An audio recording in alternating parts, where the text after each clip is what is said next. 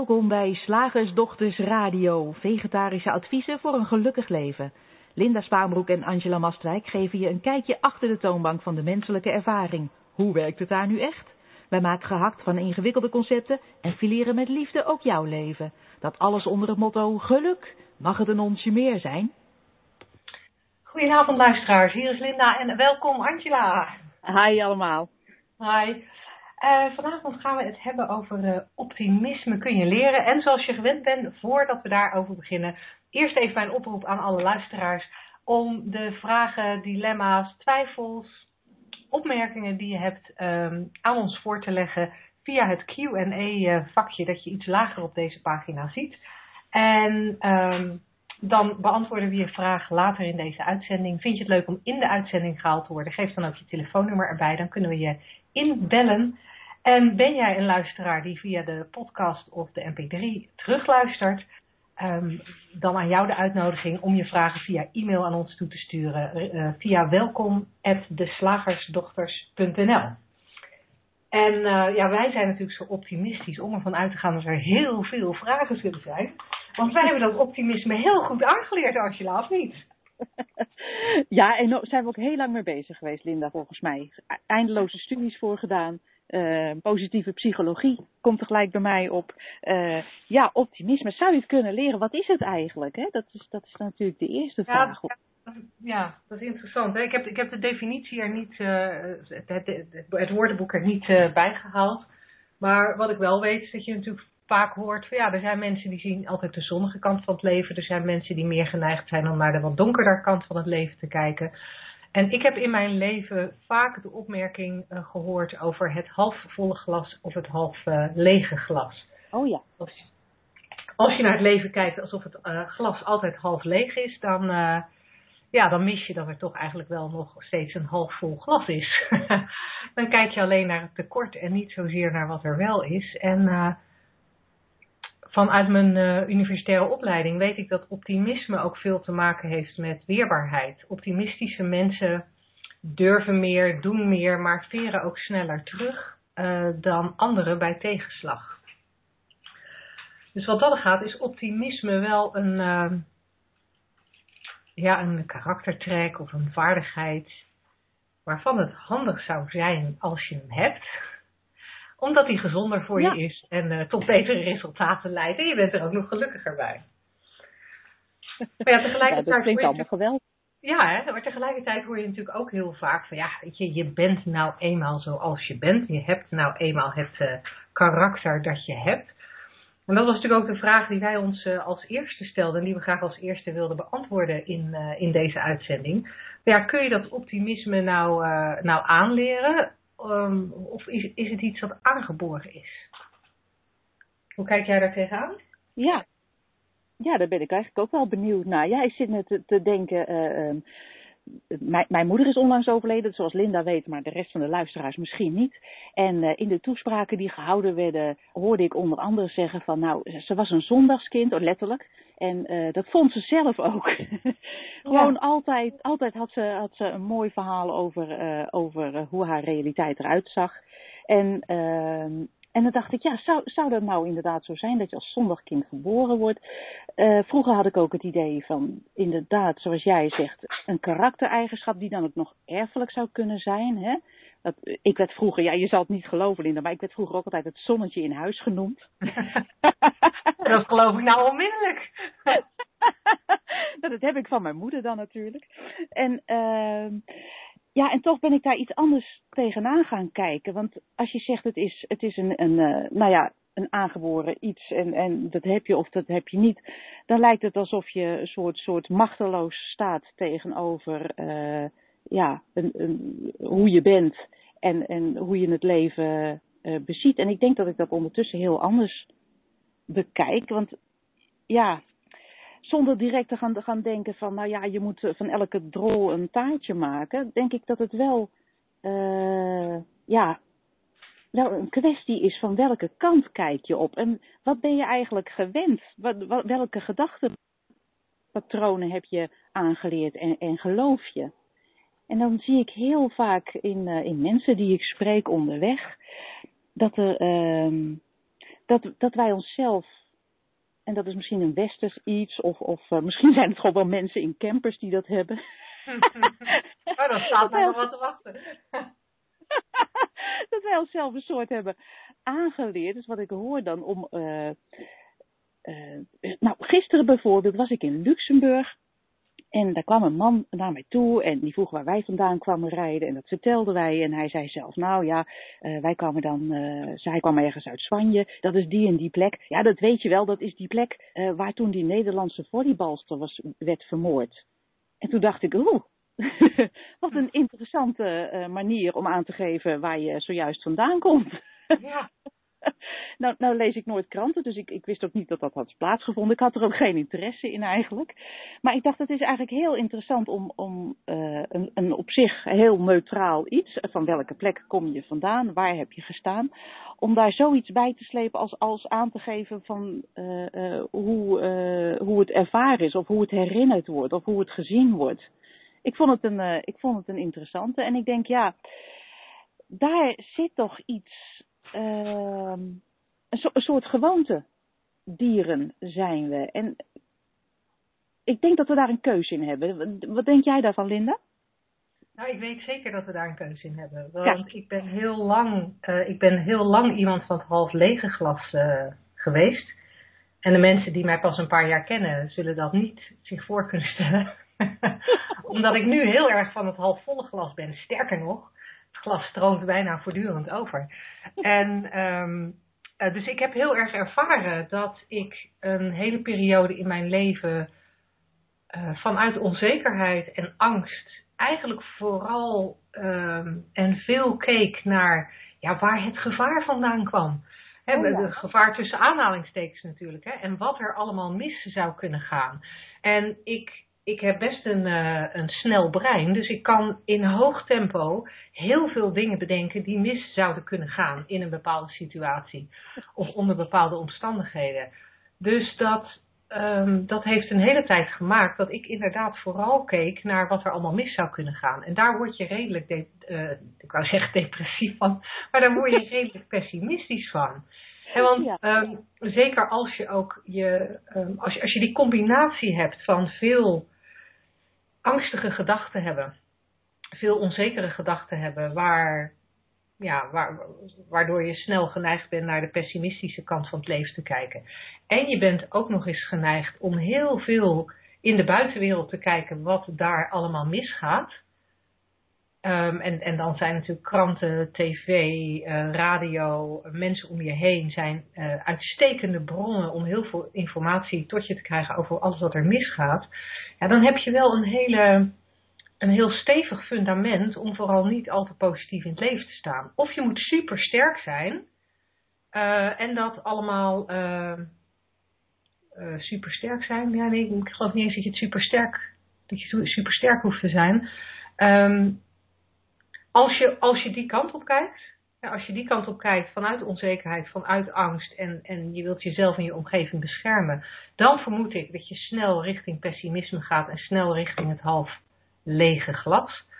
Terwijl als je dat wat er op je afkomt aan negatieve informatie, uh, en, en dan heb ik het vooral over nou ja, dingen als uh, mensen die vermoord zijn op bepaalde plekken, uh, het nieuws dat natuurlijk toch vrijwel altijd negatief is uh, mensen om ons heen die, die er toch naar neigen om vooral geïnteresseerd te zijn in ellende en minder geïnteresseerd te zijn in positieve dingen. He, als, als, ik aan, uh, of als iemand aan mij vraagt, en hoe gaat het met je? En ik zeg, goed. Dan zijn we over het algemeen heel snel uitgepraat. Want er is niemand die dan aan me vraagt, goh, vertel, wat gaat er zo goed? Het zou best leuk vinden om over te praten. Ja. Maar dan valt het gesprek stil. Terwijl op het moment dat ik zeg, nou, nou, nou, nou, dan vragen ze wel, vertel, wat, wat is er mis?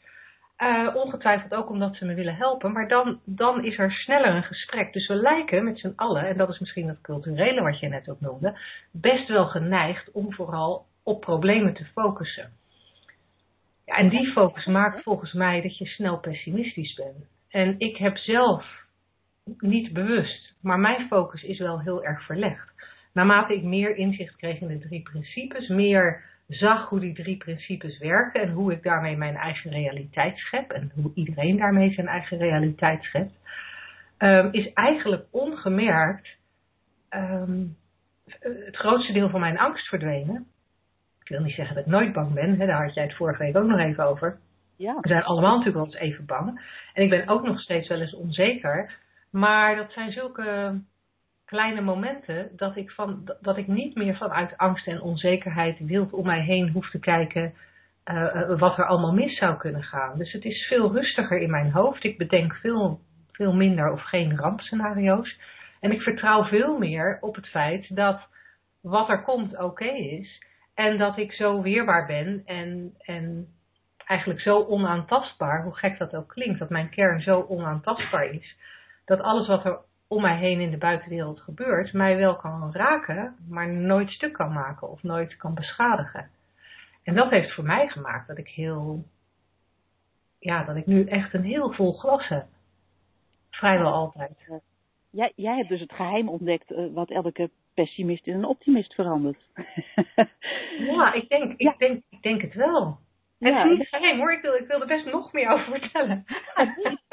Geheim, want het is waar wij het elke week over hebben. Gewoon zien hoe je, wat jij al zo zei, je realiteit gecreëerd wordt. Dat vond ik een hele, heel belangrijke uh, zin die jij daar eventjes uh, uitsprak.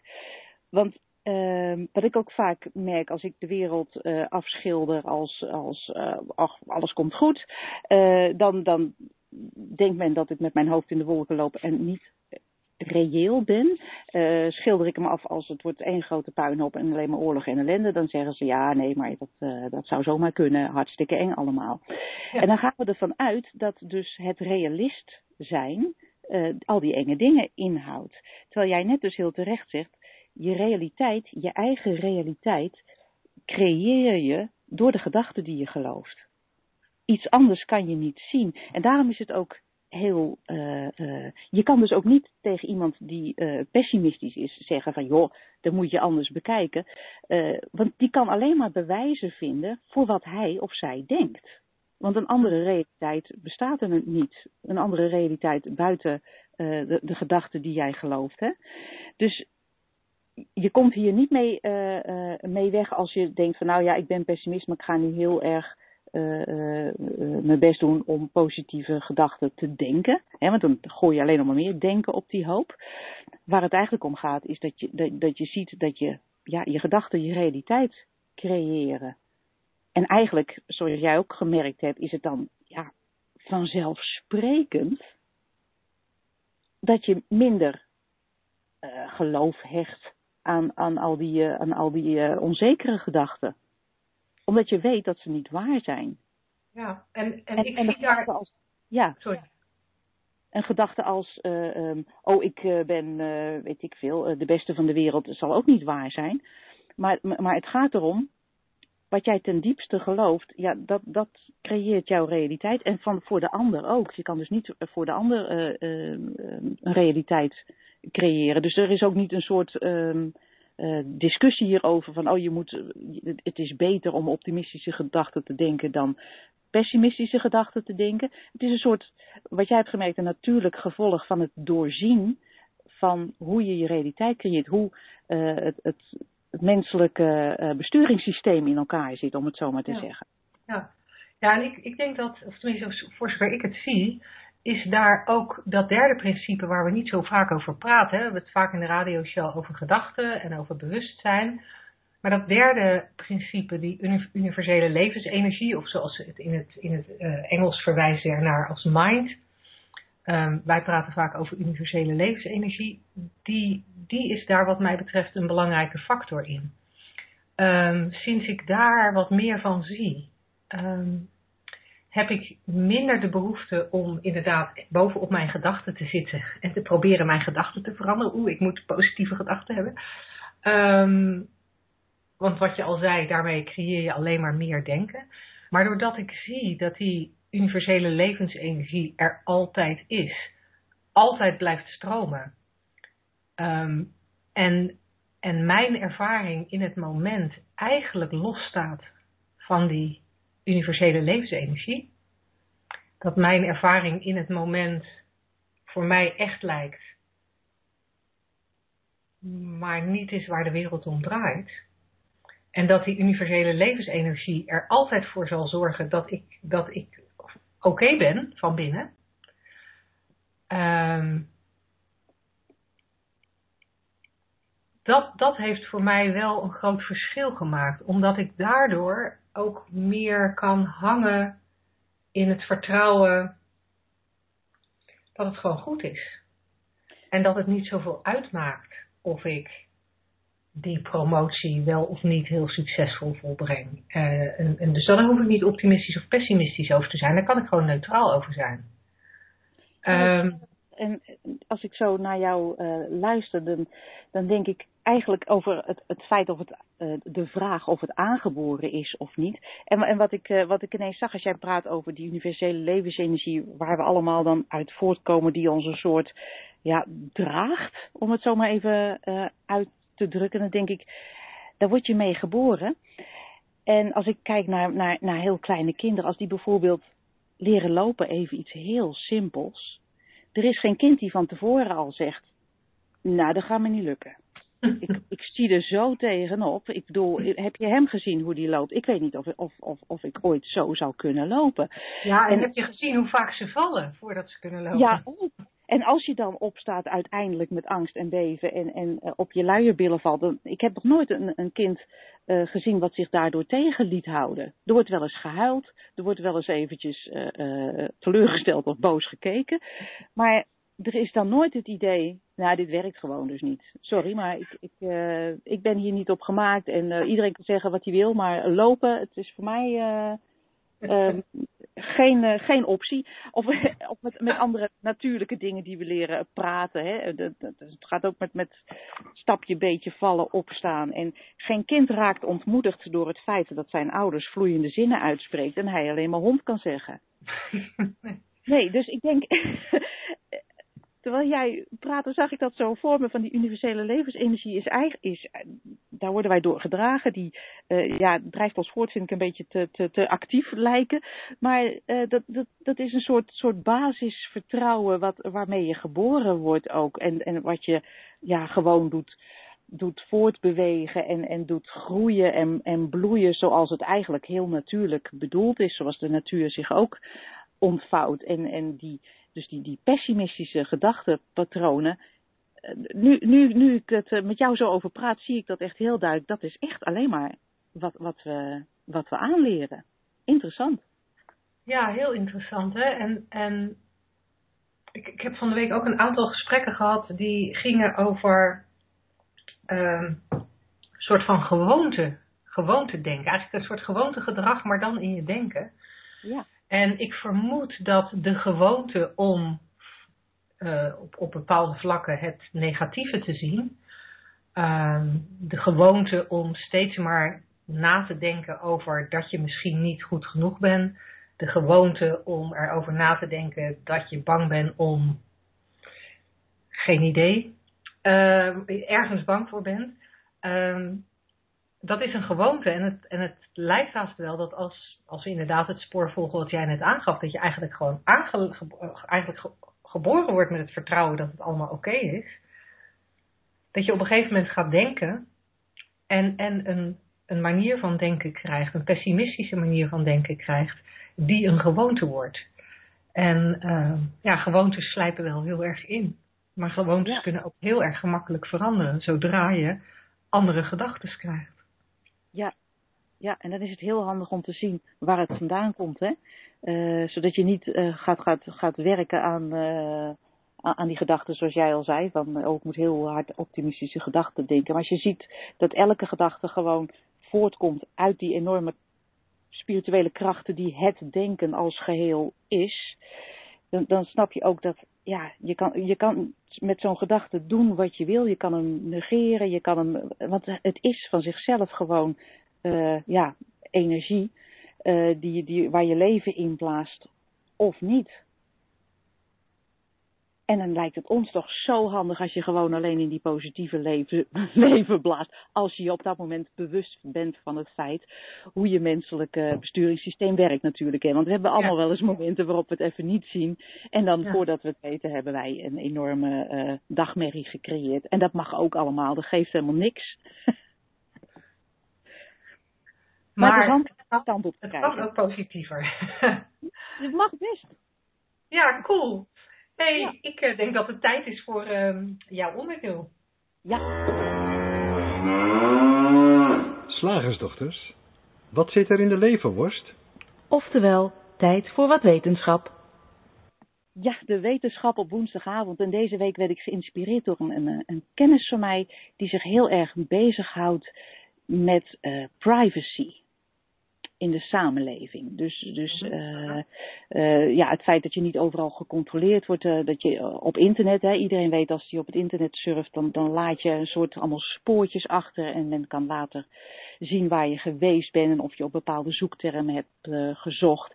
Maar ook in dossiers die overal elektronisch beschikbaar zijn. Mensen vinden dat een, een soms een, een eng idee dat ze op die manier gecontroleerd kunnen worden. Mm -hmm. En er zijn natuurlijk ook heel veel mensen die zeggen, joh, ik heb niks te verbergen, controleer mij maar een eind weg. Want ik, het maakt mij niet uit, ik heb niks te verbergen, dus er zal ook niks uitkomen. Hè? Dat zijn een soort twee, uh, twee kampen die er zijn.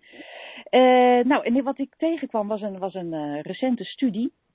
En daar werd een stuk over geschreven in de Washington Post, Amerikaanse krant.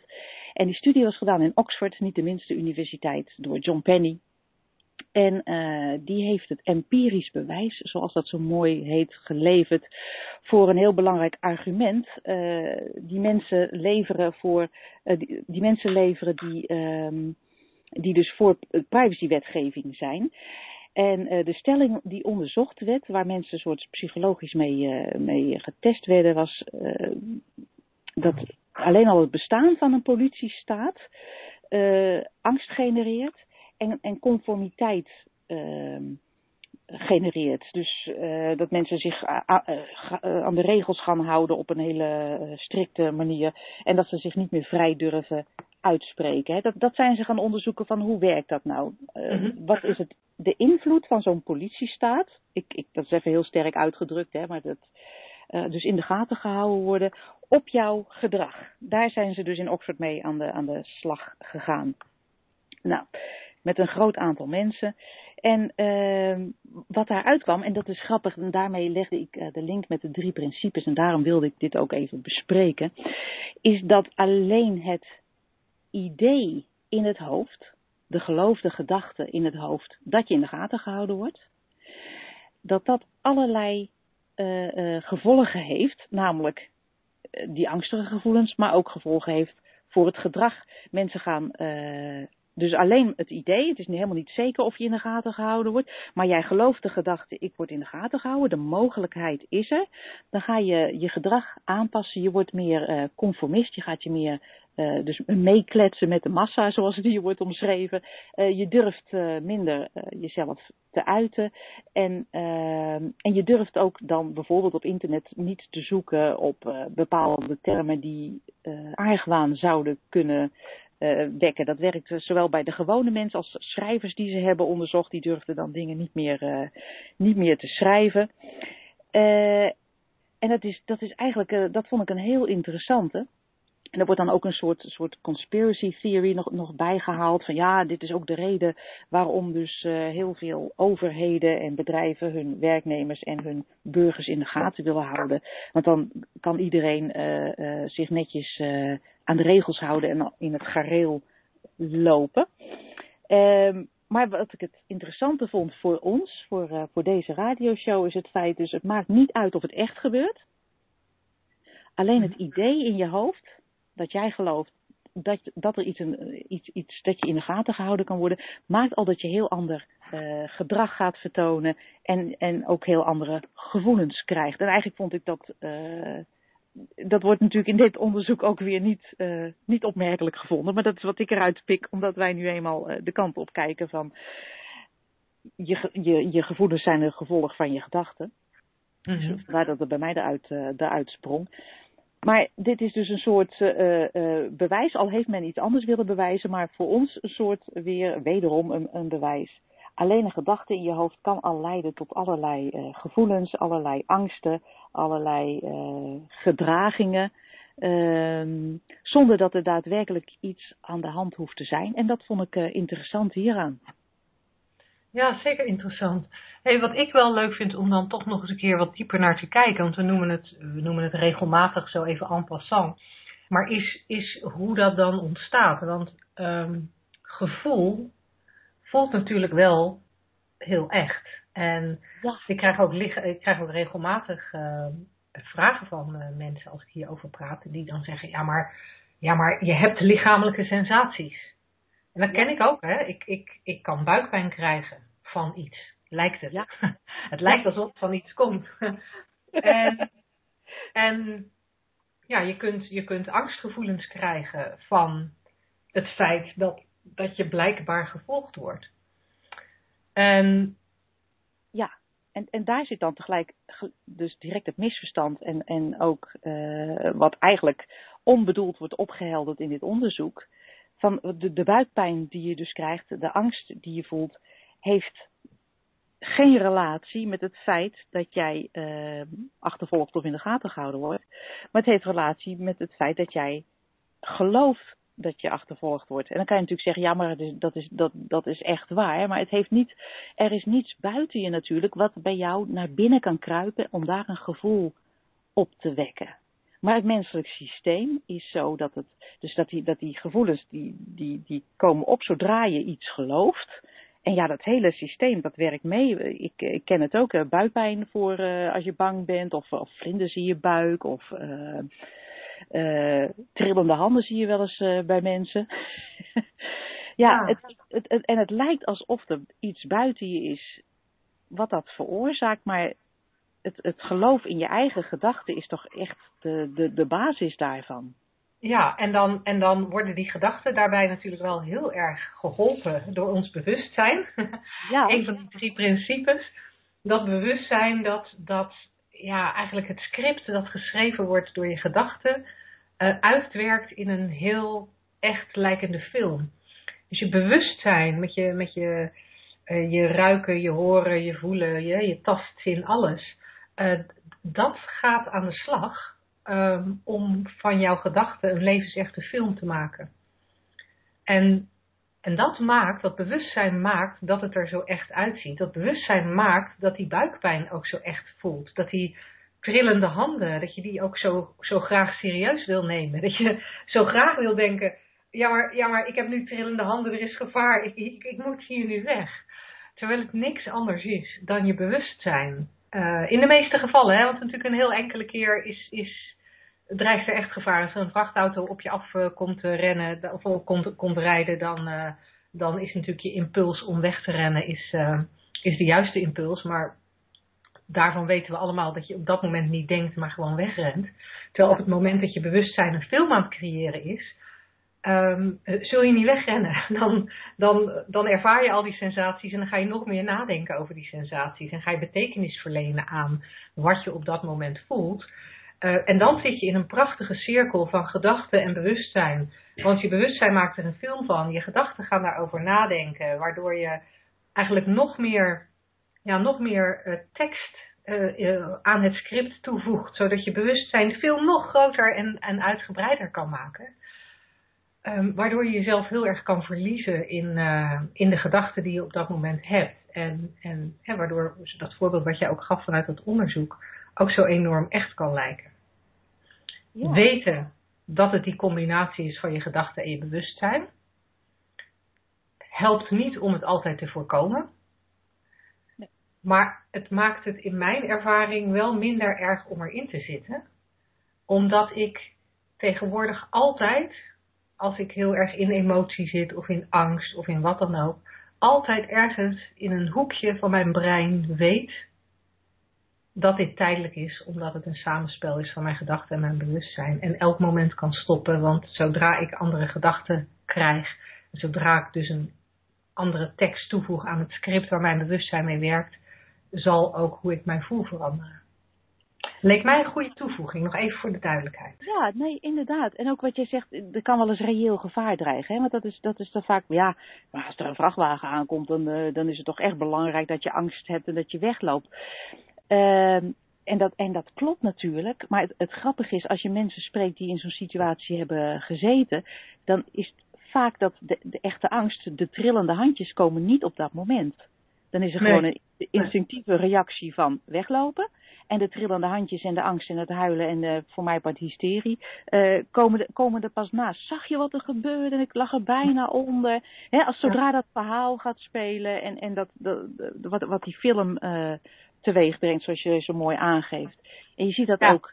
Er zijn natuurlijk mensen die, eh, eh, die het label schizofrenie hebben, die soms ja, een, een, een realiteit creëren voor zichzelf, waar, waar ja, die zo tot leven komt. En dan, dan denken wij van ja, maar dat is niet echt, die, die, die spoort niet helemaal misschien. Maar eigenlijk zijn we allemaal een beetje schizofreen.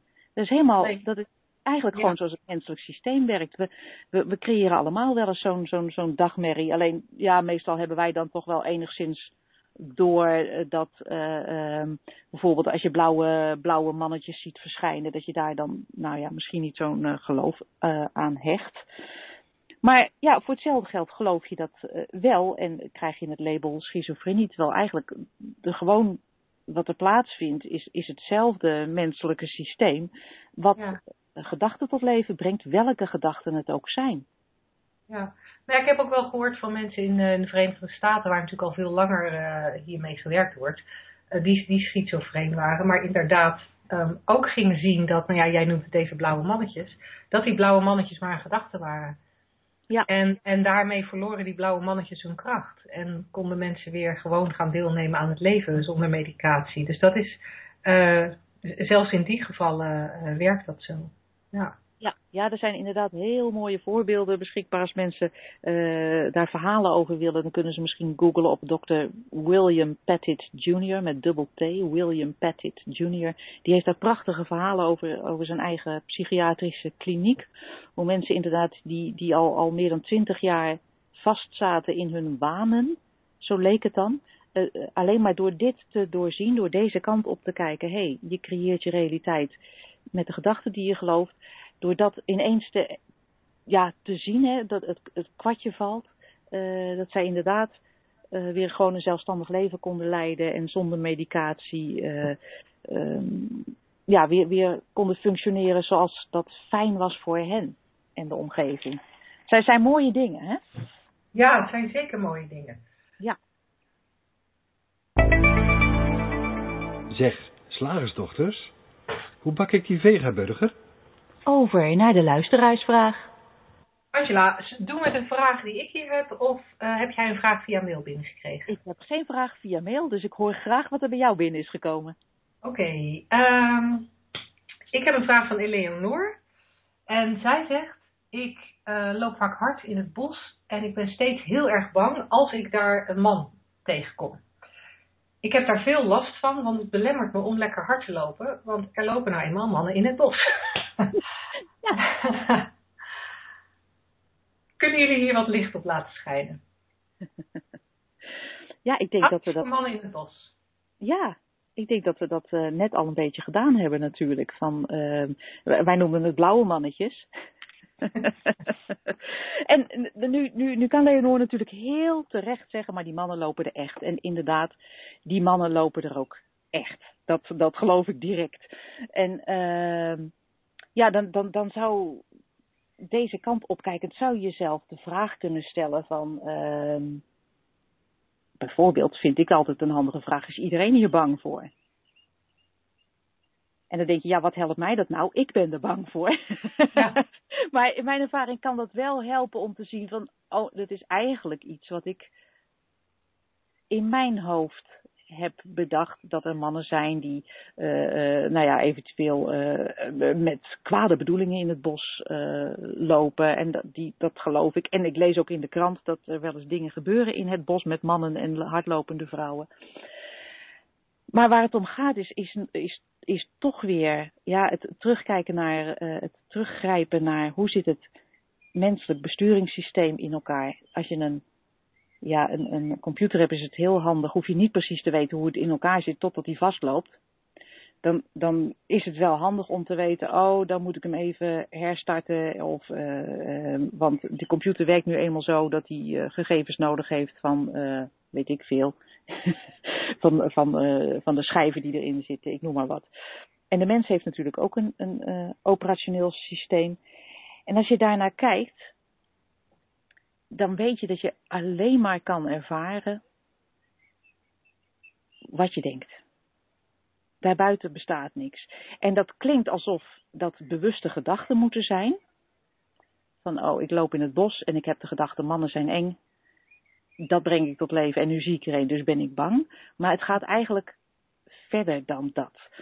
Uh, want ja, die, die kracht van, van, het, van het denken, hè, dan heb ik het niet eens over de persoonlijke gedachten die je in je hoofd hebt, maar de kracht van het denken is, is zo enorm dat je daarbuiten niets kan zien. Je hebt dat denken nodig om überhaupt een ervaring te hebben van de wereld, hè, wat, wat zo mooi tot leven wordt gebracht door je bewustzijn. Mm En ja, ik denk dat voor Leonor eh, het, het meest handige is om te blijven kijken naar waar komt mijn ervaring vandaan. En dan misschien dat ze het op andere vlakken wel al kan zien. Oh, ik uh, was ook altijd bang voor, uh, uh, ik weet niet, misschien zit ze wel in, de, in uh, een bedrijf waarin je cold call moet, calls moet, moet, moet maken. Weet je, gewoon dat je een klant moet opbellen die je nog niet als klant hebt om te vragen of je klant wordt, zo maar even zeggen. Oh, daar was ik vroeger ook bang voor en ik kwam erachter dat het alleen maar in mijn hoofd zich afspeelde. En uh, dus daar kan ik het doorzien. Het is misschien makkelijk om te beginnen. Uh, dat is ook altijd een tip voor jou, geloof ik, uh, Linda. Om, om te kijken naar vlakken in je leven waarop je het wel ziet. Oh ja. En dan te weten dat het altijd hetzelfde werkt. En maar één kant op. Van binnen naar buiten. Ik denk dat dat handig is. Wat zou jij zeggen? Nou, ik ben het helemaal met je eens. en daarnaast, daarnaast um, zie ik ja, zit, zat ik ook nog een heel klein beetje op een ander spoortje uh, na te denken. Um, en dat heeft, heeft te maken met. Uh, ja, ik vind het bijna moeilijk om onder woorden te brengen. De, het realiteitsgehalte van je angst. Ja. Want um, de meeste mannen die in het bos lopen zijn helemaal niet gevaarlijk. Ik um, Nee. nee. en de, de meesten zeggen je gewoon vriendelijk gedag. Maar blijkbaar um, is, is de angst die opkomt en het gevoel dat daarbij opkomt, en dat bewustzijn doet natuurlijk heel erg zijn best om dat ook een beetje echt te laten lijken. Um, dat, lijkt, dat lijkt bijna wel zo'n gewoontegedachte, waar ik het uh, daar straks eventjes over had. Van, ja. oh man, uh, angstige gedachten. En dan vervolgens nog de volgende stap, die angst ook serieus nemen. Die angst niet willen voelen, niet willen ervaren. Dus, dus die moet weg. Die, die angst moet weg door om te draaien weg te gaan. Of die angst moet weg door nou ja, bijvoorbeeld hier de, de vraag te stellen en ervoor te zorgen dat, dat die angst nooit meer gevoeld wordt. Wat ik interessant vind, uh, als ik het heb over het realiteitsgehalte van, van de angst, is in hoeverre je iets hebt om bang voor te zijn. En dat is misschien een beetje een rare vraag, want ik kan me voorstellen dat elke vrouw bij het idee dat ze verkracht zou worden in het bos, uh, dat, dat, dat dat verschrikkelijk is. En dat zal ik ook niet ontkennen. En ik hoop ook dat ik het persoonlijk nooit meemaak, maar ik hoop dat geen enkele vrouw dat ooit hoeft mee te maken. En toch, ga ik iets heel verschrikkelijks zeggen. Zelfs als dat je overkomt, ben je op dat moment natuurlijk um, uh, verdrietig, boos, bang, al die gevoelens die daarbij komen kijken. Heb je lichamelijke pijn? Uh, moet je misschien naar het ziekenhuis? Het, het, het zou, er zouden van allerlei erge dingen met je aan de hand kunnen zijn. Maar zelfs als dat gebeurt, heb je altijd de, uh, de resilience. Dat is ook weer het Nederlandse woord voor resilience. Veerkracht. De veerkracht om daarvan om daarvan terug te komen, omdat wat jou ook gebeurt, die innerlijke kern, die diamant die in je zit, dat absolute welzijn dat in je zit, dat blijft onaangetast, wat je ook gebeurt. En ik snap dat ik, dat ik een beetje op een hellend vlak zit, uh, uh, omdat dit natuurlijk een heel akelig voorbeeld is. En toch is het wel iets wat wat bij mij veel angst weghaalt. En kan je volgen wat ik zeg? Of ben ik te extreem nu? Nee, ik, ik, kan je, ik kan je heel goed volgen. En ik denk juist dat het, het nemen van, van een dergelijk extreem voorbeeld, want, want dat is het. Hè, dat is, ik kan me voorstellen dat ik denk dat 99,9% van de vrouwen daar, daar echt bang voor, uh, voor is in bepaalde situaties. En, en, en 100% wil niet dat het gebeurt. Dus dat is inderdaad een extreem voorbeeld. Maar juist daarbij uh, weten dat je, wat er ook gebeurt, uh, oké bent. Ik denk juist dat het heel mooi is om dat, uh, om, om dat te noemen. Want uh, zo'n zo zo'n zo'n onderwerp, zo'n extremiteit, het feit dat het uh, bij, bij heel veel mensen direct een reactie op kan roepen. Maar ja, nou, maar dat, maar dat is toch heel erg. Dat, dat geeft al aan dat daar een hele hoop uh, uh, gedachten en betekenissen aan vastzitten. En, en hou me te goede, die heb ik zelf ook rondom dat onderwerp. Heel simpel. Maar ehm,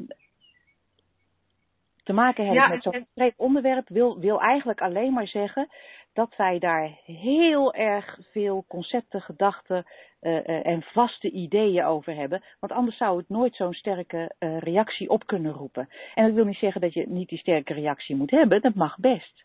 Alleen het is wel fijn om te weten waar dat vandaan komt. Niet door ehm, de situatie zelf, de verkrachting, hoe erg we dat allemaal ook vinden, zonder uitzondering kan ik me zo voorstellen.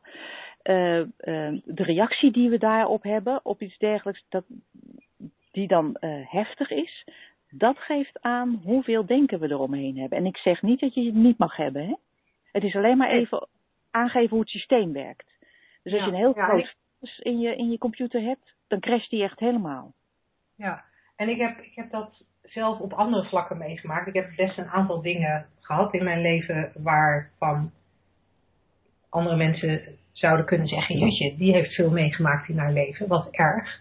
Wat een zwaar leven. um, terwijl, en dan heb ik het over ongelukken en lichamelijke toestanden. Um, terwijl ik bij mezelf zie dat, dat ik uiteindelijk onaangetast ben gebleven dat was natuurlijk niet altijd in het moment, hè? Nee. Uh, want, want je gaf daar straks, uh, um, bij, het, bij, het, vorige onderdeel hadden we het even over, of had jij het even er, over dat als er iets ergs gebeurt, dat mensen dan in het moment handelen en later, later gaan shaken. Dat heb, ik, dat heb ik ook meegemaakt, een aantal auto-ongelukken meegemaakt, een keer een treinongeluk meegemaakt. En ik heb ook ervaren dat ik in het moment gewoon handelde en pas naderhand me realiseerde wat er gebeurde. En en daar heb ik dus aan den lijve van kunnen, kunnen ondervinden dat het denken, toen het denken startte, ook het gevoel pas kwam en de angst pas kwam en, en nou ja, alle emoties daarbij. Ja. Maar ik heb ook gemerkt dat ondanks de verschillende dingen die ik heb meegemaakt, mijn kern gewoon nog steeds onaangetast is. En ja, nogmaals, dat, dat geldt altijd en overal. Als we onszelf de gelegenheid geven om de gedachten die we over een bepaalde situatie hebben, een situatie die gebeurd is, in mijn geval auto-ongelukken of lichamelijk letsel. Um, ik heb destijds lang daar gedachten over met mij meegedragen.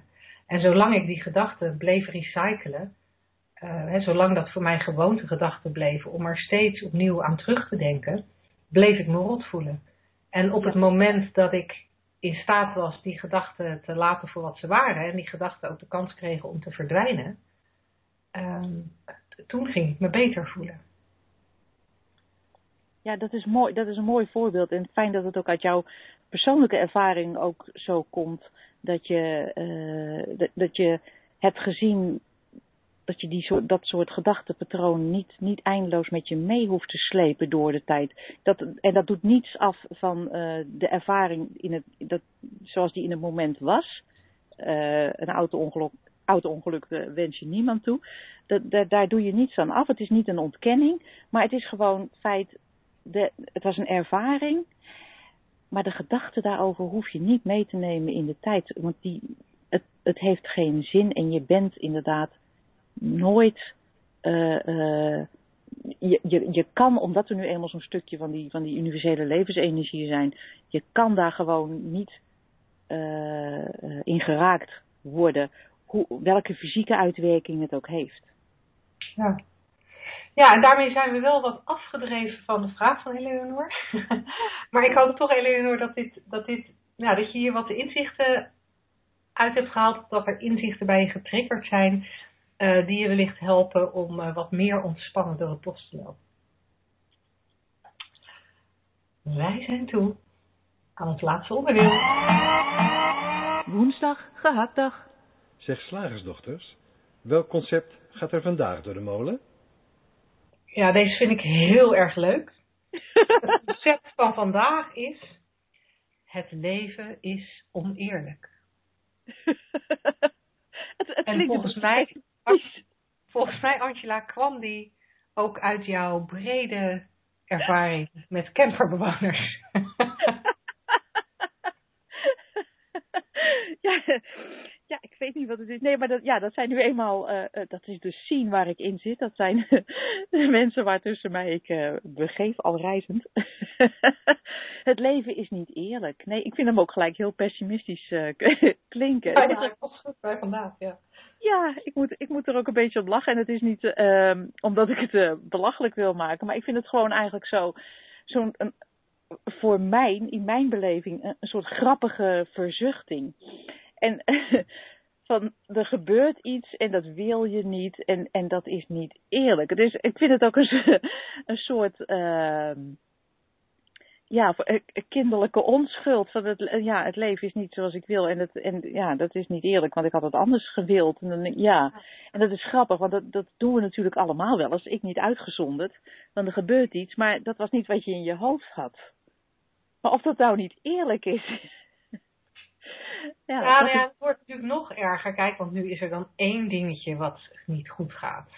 Maar dan zijn er zeven dingen die niet goed gaan bij jou. Maar bij de buurman, in die andere camper. Ik bedoel, die camper is al groter. Ja, je hebt zelfs een afwasser, een afwasmachine in de camper. Dat is op zich al niet eerlijk. Maar bij hun gaat er nooit iets mis. En bij jou gaat alles mis. Nou, dat is gewoon niet eerlijk. Dat nee. is gewoon niet eerlijk. En um, het, is een hele, het is een hele interessante.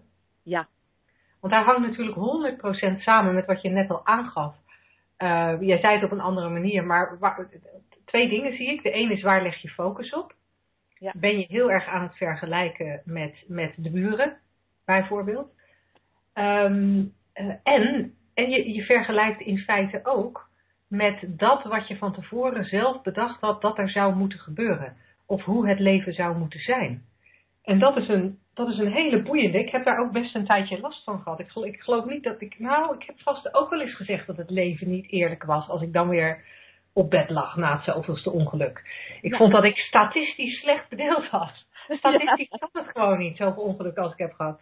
Um, en, en dan heb ik vast ook wel eens gezegd: dat het is gewoon niet eerlijk en waarom tref ik dit altijd? Um,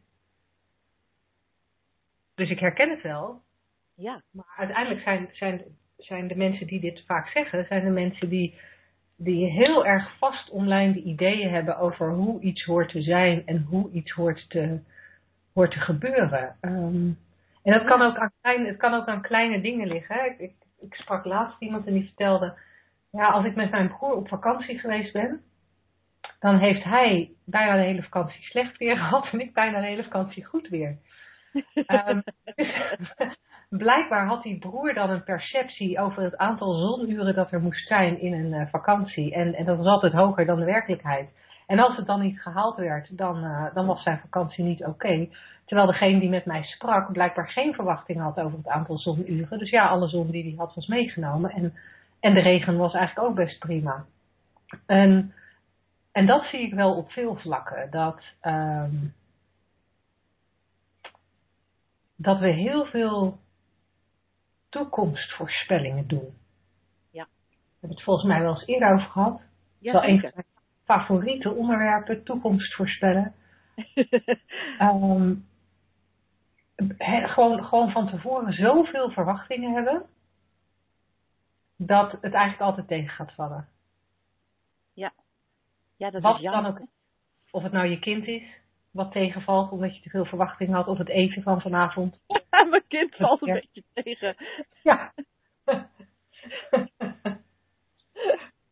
Ik had toch zo gedacht dat met mijn IQ er wel een slim kind uit zou moeten komen. nou zit hij op de MAVO. ja, is niet eerlijk. Maar wat zie jij op dit punt, Angela? Ja, ik vond, ik vond het heel grappig, want toen ik er naar keek, toen dacht ik, oh, maar het leven is eigenlijk, uh, de ervaring van, uh, van het leven voor ieder mens is 100% eerlijk, want hij wordt voor iedereen uh, op dezelfde manier gecreëerd. Dat is wat ik in tweede instantie, nadat ik uitgelachen was en er, erin zag. Het, het, het, leven is, is zo eerlijk dat iedereen hetzelfde. ja, die is wel cool. Heeft. Ja. Iedereen, iedereen heeft de beschikking over die drie principes. Ja, en iedereen, heeft, precies, iedereen bestaat daaruit. Iedereen heeft in zich die, die kern die jij die diamant noemt. Dat vind ik zo mooi. Uh, dat heeft iedereen in zich. Dus, dat leven, dus dat, in, daarin is het leven volstrekt eerlijk. Of je hem wel ziet of niet ziet, ja, dat is natuurlijk even de vraag. Dat ligt er wel weer aan welke kant je opkijkt. En, en ons bewustzijn is eigenlijk hè, wat, wat, wat, wat het denken tot leven brengt. Uh, dat maakt het allemaal uh, heel erg divers. Maar het is super eerlijk in de zin dat het gewoon één op één weer, een weerspiegeling is. Het, het kan niks anders tot leven brengen, het bewustzijn, dan, dan het denken in het moment.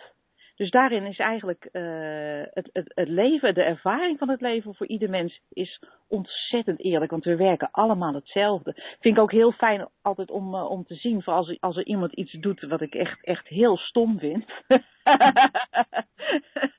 dan eh, helpt het mij altijd om, om even te weten. Maar deze meneer, deze mevrouw werkt precies hetzelfde als ik. Dus die kan niet anders dan dit doen, want blijkbaar gelooft hij uh, uh, zijn gedachten daar over dit onderwerp. Ja. Uh, en, en daarin is, is, het, is het leven dus heel eerlijk. En dat vind ik fijn om te weten, want dat, dat levert voor mij een hoop begrip op voor andere mensen en ook voor mezelf. Als ik iets heel stoms doe. Dan denk ik, ja, nee, maar, maar natuurlijk deed ik dat. Want ik geloofde namelijk A, dus dan kan je niet anders doen dan B. Ja, als ja. ik als ik ervan overtuigd ben dat mijn. Uh, ik moet even wat bedenken hoor. Als ik ervan uh, overtuigd ben dat mijn uh, tank leeg is, mijn schoonwatertank, ja, natuurlijk moet ik dan uh, naar de kraan om te tappen. Dat is natuurlijk geen stomme actie, dat is een slimme actie. Maar even het verband aangevend tussen uh, de actie en, en, het, en de overtuiging. Al, al is mijn tank helemaal vol, zal ik nog steeds naar het tappunt rijden als ik denk dat die, dat, dat die leeg is. Dus ja. in, in die zin is het 100% eerlijk. Iedereen werkt hetzelfde. Is dat niet mooi om te weten? Ja, ik vind het echt een heel mooi besluit van deze uitzending. Goed zo. Ja, ik, daar heb ik echt niets aan toe te voegen. Dan hebben we bij deze vermalen, of eigenlijk een beetje een soort omgekneed. omgekneed. Het leven is enorm eerlijk. Ja. hey, dankjewel weer voor dit fijne gesprek. Jij ook. Uh, luisteraars, heel hartelijk bedankt voor het luisteren. Uh, ook als je na de hand via de podcast of de mp3 beluistert, vergeet niet om ons je vragen in te sturen via welkom@deslagersdochters.nl. We gaan daar dan volgende week heel graag mee aan de slag. En uh, we hopen je dan weer te spreken of uh, jij hoort jij ons te beluisteren. Hopen dat jij ons dan weer beluistert. Zelfde ja. tijd, zelfde plaats. Graag tot dan. Doeg.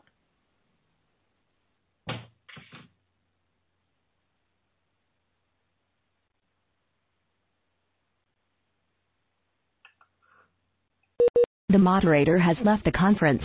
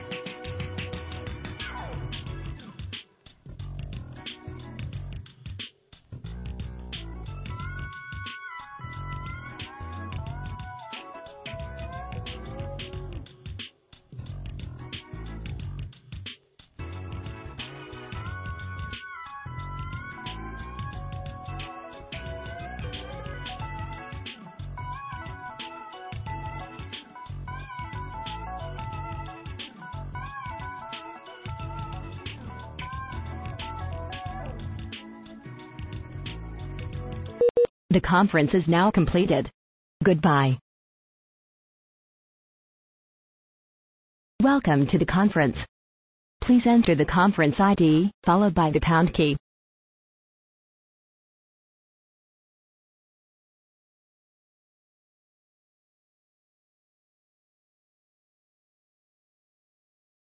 Thank you.